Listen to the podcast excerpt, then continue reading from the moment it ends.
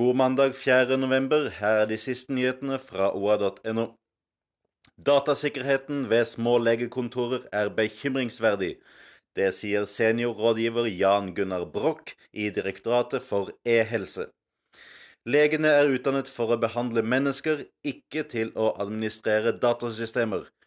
Og det krever tid og kompetanse for å opprettholde datasikkerheten, sier Broch.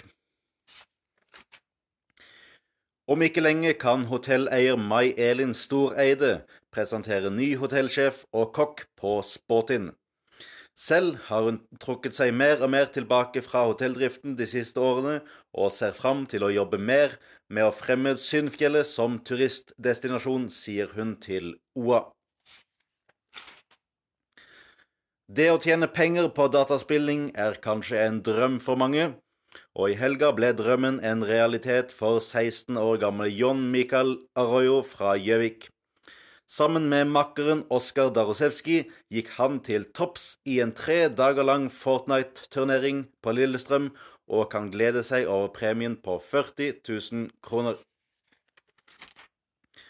Pass også på å stemme på din favoritt i stjernetevling, og følg med på oa.no for de siste og viktigste nyhetene fra Vest-Oppland.